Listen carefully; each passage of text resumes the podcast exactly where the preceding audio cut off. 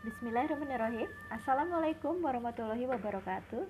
Hai, halo, apa kabar? Jumpa lagi bersama saya Rima.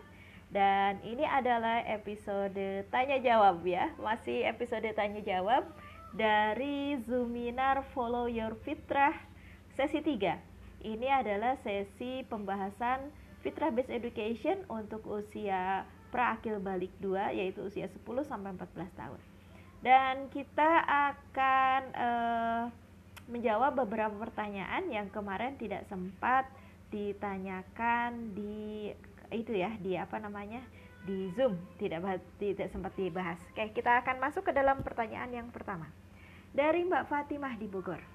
Teh, kalau merasa hidup nggak rapi, misal rumah ngerasa nggak rapi, di luar memang ada anak kecil ya, apa berarti fitrah estetika saya tersedirai?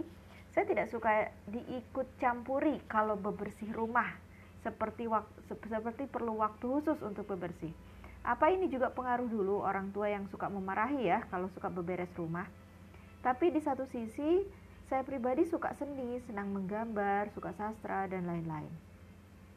Bagaimana caranya agar anak saya tidak terdampak hal ini jika benar fitrah saya ada yang tidak tumbuh secara sempurna? Hmm, jadi sebetulnya kalau dibilang fitrah estetika mungkin bukan fitrah estetikanya ya. Tapi masalah kebersihan ini sih bagian dari fitrah estetika juga. Itu ada salah satu bagian yang memang tercederai gitu ya. Entah itu mungkin dulu pengaruh orang tua atau segala macam pengaruh pengaruh zaman dulu gitu ya.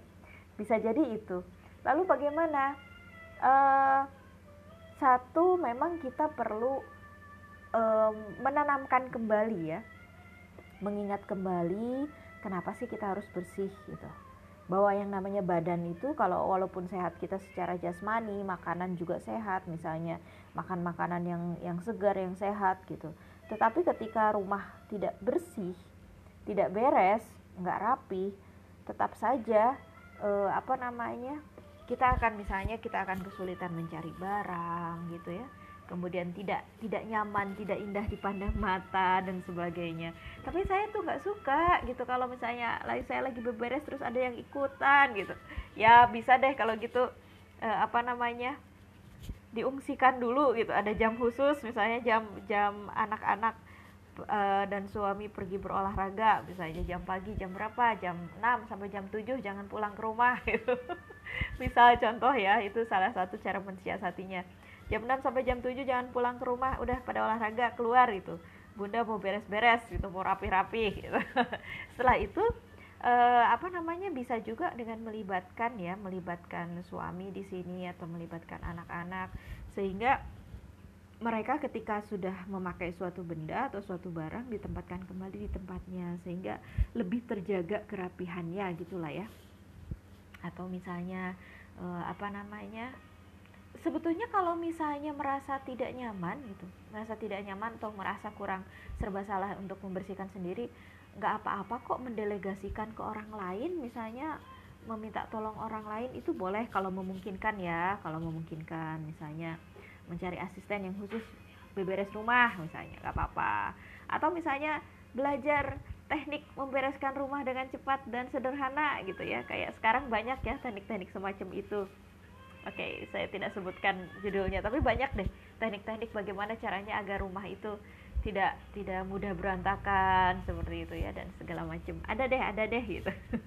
gitu ya Mbak Fatimah. Yang pasti memang Mbak Fatimah harus uh, apa namanya mencoba untuk mendobrak kebiasaan tersebut gitu.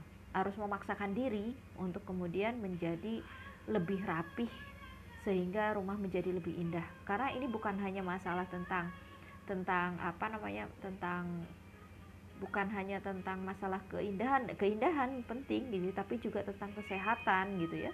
Tentang kesehatan dan juga ini dalam rangka kita untuk mendidik anak-anak juga agar kemudian mereka kelak bisa hidup secara bersih dan rapi demikian ya Mbak Fatimah.